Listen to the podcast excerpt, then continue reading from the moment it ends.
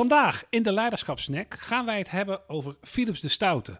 Ehm, we zijn midden in de 100-jarige oorlog. Ehm, eh, en eh, misschien leuk, Boudewijn, als jij ons eens meeneemt in dat tijdsbeeld en waarom het zo leuk is om het over Philips de Stoute te gaan hebben. Ja, de 100-jarige oorlog tussen Frankrijk en, uh, en Engeland. opvolgingsstrijd over de, de Franse troon. De Engelsen waren al heel ver op dat moment dat we beginnen met het verhaal op het grondgebied van, van de Fransen. nabij Poitiers. En daar treffen twee legers elkaar. Dat van de, de Engelse en van de Franse koning Jan II. Mm en op dat slagveld ehm, wordt het Franse leger eigenlijk in de pan gehakt. Daar komt het wel op neer. En uh, Jan II is omsingeld door Engelse soldaten.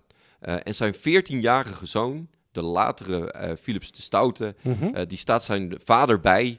En die zegt tegen zijn, tegen zijn vader: Kijk uit, links van je. En dan vervolgens weet hij dat daar een Engelse soldaat staat. En die slaat hij dan uh, neer. Kijk uit rechts van je. Nou, zo moet je een beetje voorstellen hoe dat uh, ging. Dat dat 14-jarige knaapje zijn vader uh, meehielp. Uiteindelijk was de overmacht te groot. Ze werden allebei werden ze gevangen genomen. Maar om, die, om die, die moed van die Philips de Stoute nog eventjes te illustreren. Toen hij hoorde, toen hij gevangen was, dat iemand laatdunkend sprak over de Franse koning. Sloeg hij die Engelse soldaat die dat deed ook nog eventjes neer. Dus het was echt, echt iemand die kwam van zijn vader op het ingewikkelde was ehm, eh, wel dat eh, die Philips de jongste zoon was van, van de Franse koning. Mhm. Dus op een gegeven moment zijn ze vrij um, uh, gelaten, zoals dat in die tijd best wel gebruikelijk ook uh, was. Maar die Philips die wist dat hij nooit de opvolger zou gaan, zou gaan worden.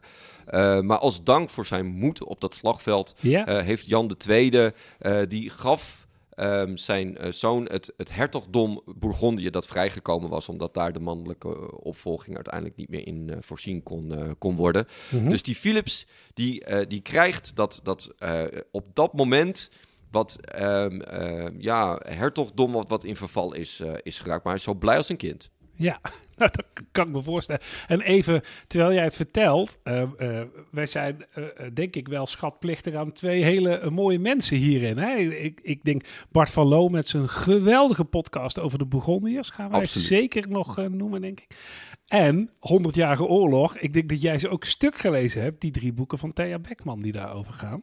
Absoluut. Um, geeft mij wel een mooi beeld ook van die tijd steeds. Maar even dat gezegd hebben, ik zou zeggen, luister die podcast en lees die boeken.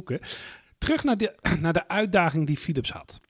Want dat doen wij hier in deze podcast altijd. Um, wat jij zegt, hè, klopt. Gewoon een rijk nou ja, uh, eigenlijk nou ja, zonder hoofd op dat moment. Hè, ja. Dat wordt hij. Hij moet daar echt ook een, een positie als het ware voor zichzelf uh, uh, veroveren. Hij moet iets nieuws neerzetten. Um, moet dat eigen gebied ontwikkelen. in die tijd moet je dat ook, is dat ook een kwestie van uitbouwen. Um, en, en, en volgens mij heeft hij ook te doen dat na hem natuurlijk het heel logisch is dat zijn kinderen ook dat rijk weer kunnen overnemen. Ja. Um, dus, dus Um, als dat dan de uitdaging is die hij te doen heeft, hoe pakt hij dat dan uh, aan? Ja, nou, die middeleeuwse vorsten, wat verschieten nog steeds aan het einde van die middeleeuwen, ja. uh, die hebben maar een, een, paar strategieën eigenlijk daarvoor. Ik bedoel, je kan gewoon lekker gaan veroveren of je kan heel veel geld hebben en dingen gaan, uh, gaan, gaan kopen. maar hij doet een andere um, en het was destijds ook wel een beproefde strategie. dat is de huwelijkspolitiek. Mm -hmm. Hij gaat trouwen.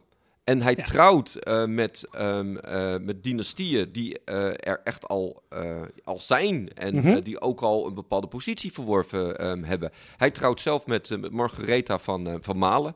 Dat ja. is de dochter van Lodewijk van Malen. Mm -hmm. En dat is de graaf van, van Vlaanderen. Ja. Vlaanderen, dat op dat moment echt in opkomst is. Een rijk, een rijk gebied um, is. daar trouwt hij binnen. Uh, en um, weet daar uh, een, met, met veel uh, bombarie dat, dat, dat huwelijk in te zegenen in, in Gent. Mm -hmm. dus hij, hij weet ook echt naar buiten toe uit te dragen van hier ben ik, hier, hier sta ik. En uh, weet op, die moment, op dat moment ook echt aan te geven zo van, van uh, dit, ja, dit is een nieuwe dynastie waar, waar jullie tegenaan aan het kijken uh, zijn. En hij doet dat later, doet hij dat nog een keer, mm -hmm. wanneer het gaat om zijn kinderen.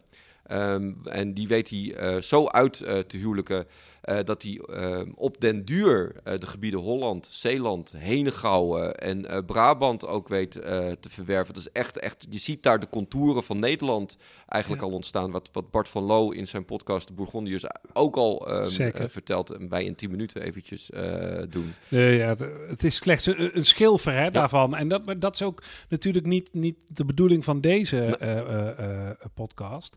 Kijk, want wat de bedoeling wel is, is het ook het trekken van lessen voor, voor het hier en nu. En wat jij uh, volgens mij beschrijft, en wat, wat je dus echt veel beeldender door uh, Bart van Loo uh, krijgt, is dat enorme feest, met name bij dat dubbelhuwelijk, wat hij eigenlijk laat sluiten.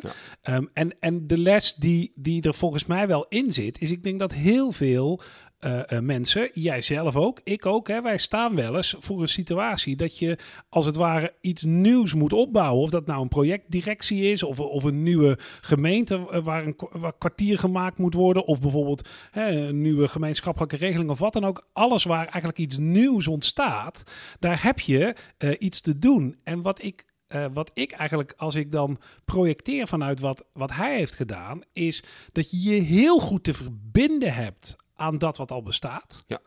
Um, hè, wat, wat hij deed is zich heel goed verbinden aan al bestaande dynastieën. Uh, hij was natuurlijk verbonden met dat Franse Rijk, maar doet dat dus ook met dat, nou eigenlijk de, een beetje de, de noordkant uh, van, ja. van zijn rijk. Ja. Um, uh, dus dat doet hij heel actief. Maar, maar, maar misschien nog wel een, een belangrijker leerpunt is, is dat het met ja, als je het wat minder mooi zegt, bombarie en bombast, maar in ieder geval met heel veel uiterlijk vertoon is gebeurd.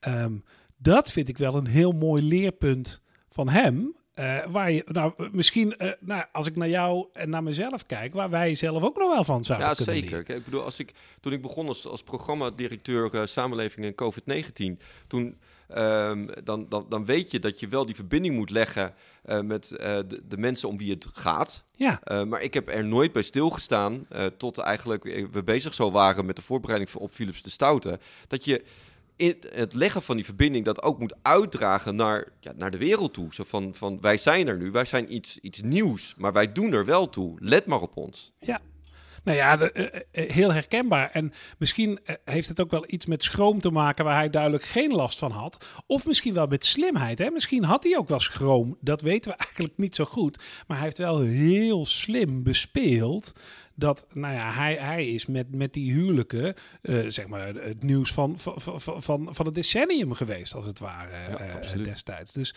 um, ja, super waardevol. Um, toch weer leuk. Kort bestek, Philips de Stoute en wat we van hem kunnen leren. Dankjewel weer. Graag gedaan.